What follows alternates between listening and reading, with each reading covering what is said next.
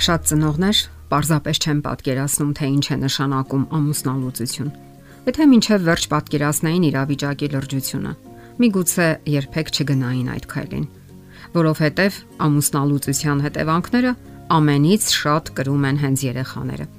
Հենց նրանք, ովքեր ամենից քիչ են մեղավոր կամ էլ ամենից քիչ են պատասխանատու դրա համար։ Մեկ այլ հարց է, թե ինչն է ամուսնալուծության պատճառը։ Ինչպիսին են լինեն պատճառները, որքան էլ ծանրակշիռ լինեն դրանք, հասկանալի է, որ երեխաները չպետք է դառնան խավության նոխաս, որովհետև կենսաբանական ծնողին անհնար է փոխարինել։ Այսօր այս հիմնախնդիրը իսկապես լուրջ է։ Աճում է անլիարժեք ընտանիքների թիվը, իսկ դա դասերակցության այլ մոտեցումներ է պահանջում։ Այդպիսի ընտանիքներում երեխայի դասերակցությունը ունի իր առանձնահատկությունները որին բոլոր ծնողները չէ որ տիրապետում են։ Ոչ լիարժեք ընտանիքներում խախտված է ընտանիքի հիմնական ֆունկցիաների իրականացումը։ Այն է նյութական, դասերակցական, հոգևոր եւ երեխայի համար բավական դժվարանում է հասարակության հետ փոխհարաբերվելը, հասարակական հարաբերություններ կառուցելը։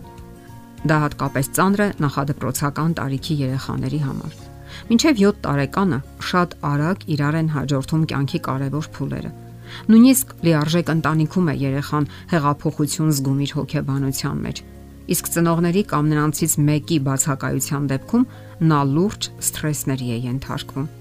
Ոչ լիարժեք ընտանիքների գոյության պատճառները տարբեր են։ Մի դեպքում դա բաժանությունն է, մի դեպքում ծնողներից մեկի մահը, մյուս դեպքում արտաամուսնական կապից ծնված երեխաները։ Երեխա ճանաչող ծնողների կողմից երեխա ворթեգրելը եւ այլն։ Մեկ այլ յուրատեսակ հիմնախնդիր են այն ընտանիքները, որտեղ հայրերը աշխատում են դրսում եւ բավական երկար ժամանակ կամ ընդհանրապես բացակայում են տնից։ Ընդ որում, հոր բացակայությունը ընտանիքում տարբեր է աղջիկների եւ տղաների համար։ Տղաները դա ավելի ցավոտ են տանում։ Նրանք ճունեն այն օրինակը, որին պետք է հետևեն կյանքում։ Իսկ աղջիկների համար խնդիրը եւ նյութական է, եւ շփման, փոխհարաբերության հուզական աղքատությունը։ Երբ ընտանեկան շփման մեջ բացակայում է խելամիտ համակարգված մոտեցումը, հայրական հեղինակությունը, մայրական ավելորդ հոգատարությունը նպաստում է, որ երեխայի մոտ ինֆանտիլ որակներ ամրապնդվեն։ Երբ մահանում կամ զոհվում է ծնողներից մեկը, դա ահավոր ծանր հարված է երեխայի համար։ Սակայն հոգեբանության վրա ունեցած ազդեցության առումով այն տարբերվում է բաժանության հետ կապված դեպքից։ Մահվան դեպքում հարվածն ավելի ուժեղ է, սակայն ավելի կարճատև։ Մահը ողբերգական իրադարձություն է ընտանիքի համար ընդհանրապես, իսկ երեխաների դեպքում հատկապես։ Երեխան իհարկե ժամանակի ընթացքում աստիճանաբար ընտելանում է հարազատի կորստի հետ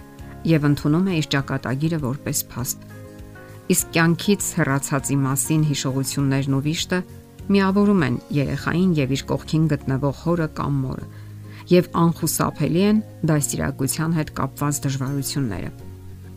Ոչ լիարժեք ընտանիքում միայնակ ծնողի գործը թեթևանում է, երբ ընտանիքում գոնե մի քանի երեխա են։ Այս դեպքում ավակները դառնում են ընթորինակման կերպար, թեկուզ եւ անլիարժեք կերպարներ, որոնք հսկում եւ հետևում են փոքրերին։ Մեծերը երբեմն կարողանում են օգնել նրանց թե նյութական առումով եւ թե դասիրակության հետ կապված խնդիրներում, Հիմնախնդիրն այն է, որ նման երեխաների վիճակը երկակի է։ Նրանք իրենց վրա տարիքին անհամապատասխան բեռ են վերցնում, եւ դա չի կարող իր հետքը չթողնել նրանց ողջ հետագա կյանքի վրա։ Դա կարելի է անվանել մանկություն առանց մանկության։ Բաժանությունն ինքնին եւ դրա հետ կապված տարաբնույթ վիճաբանությունները արդեն լուրջ հարված են երեխայի համար։ Իսկ ունեցվածքի բաժանումը այնպիսի խոցող գործոն է, որ դրանից սասանվում է երեխայի համար թանկ ու կարևոր անznավորությունների հեղինակությունը։ Հատկապես եթե կողմերը կամ նրանցից մեկը ագահություն է դրսևորում։ Ահա թե ինչու մեծահասակները պետք է շատ երկար մտածեն, թե ինչ են թողնում իրենց հետևում, երբ կայացնում են ճակատագրական որոշումը։ Իսկ երբ երեխաներն են ներգրավվում այդ ամենի մեջ, սա հակասական վիճակ է, որը չի տեղավորվում նրա մանկական պատկերացումների մեջ Նրան հարկավոր է երկկողմանի սեր։ Նրան հարկավոր չէ ներքաշվել ընտանեկան ամեն տեսակի parzabanumների մեջ։ Եվ երեխաները հայտնվում են parzapes անելանելի իրավիճակներում, Նրանք մասնակից են լինում ավելորդ նյարդայնացնող զրույցների, ակամա ներգրավվելով իրենց տարիքին անհամապատասխան հարաբերությունների մեջ։ Պատահում է, որ ոչ խելամիտ սահմանափակ ծնողները շահարկում են երեխային եւ պնդում, որ նա ընտրի իրենցից մեկին։ Նույնիսկ ավելին, որ չսիրի մյուսին։ Սա ավելի է բարթացնում վիճակը։ Պարզապես կարևոր է, որ երեխայի մոտ բարձր պահվի ընտանիքից հեռացածի կերպարը։ Պետք չէ սևացնել եւ վատաբանել նրան,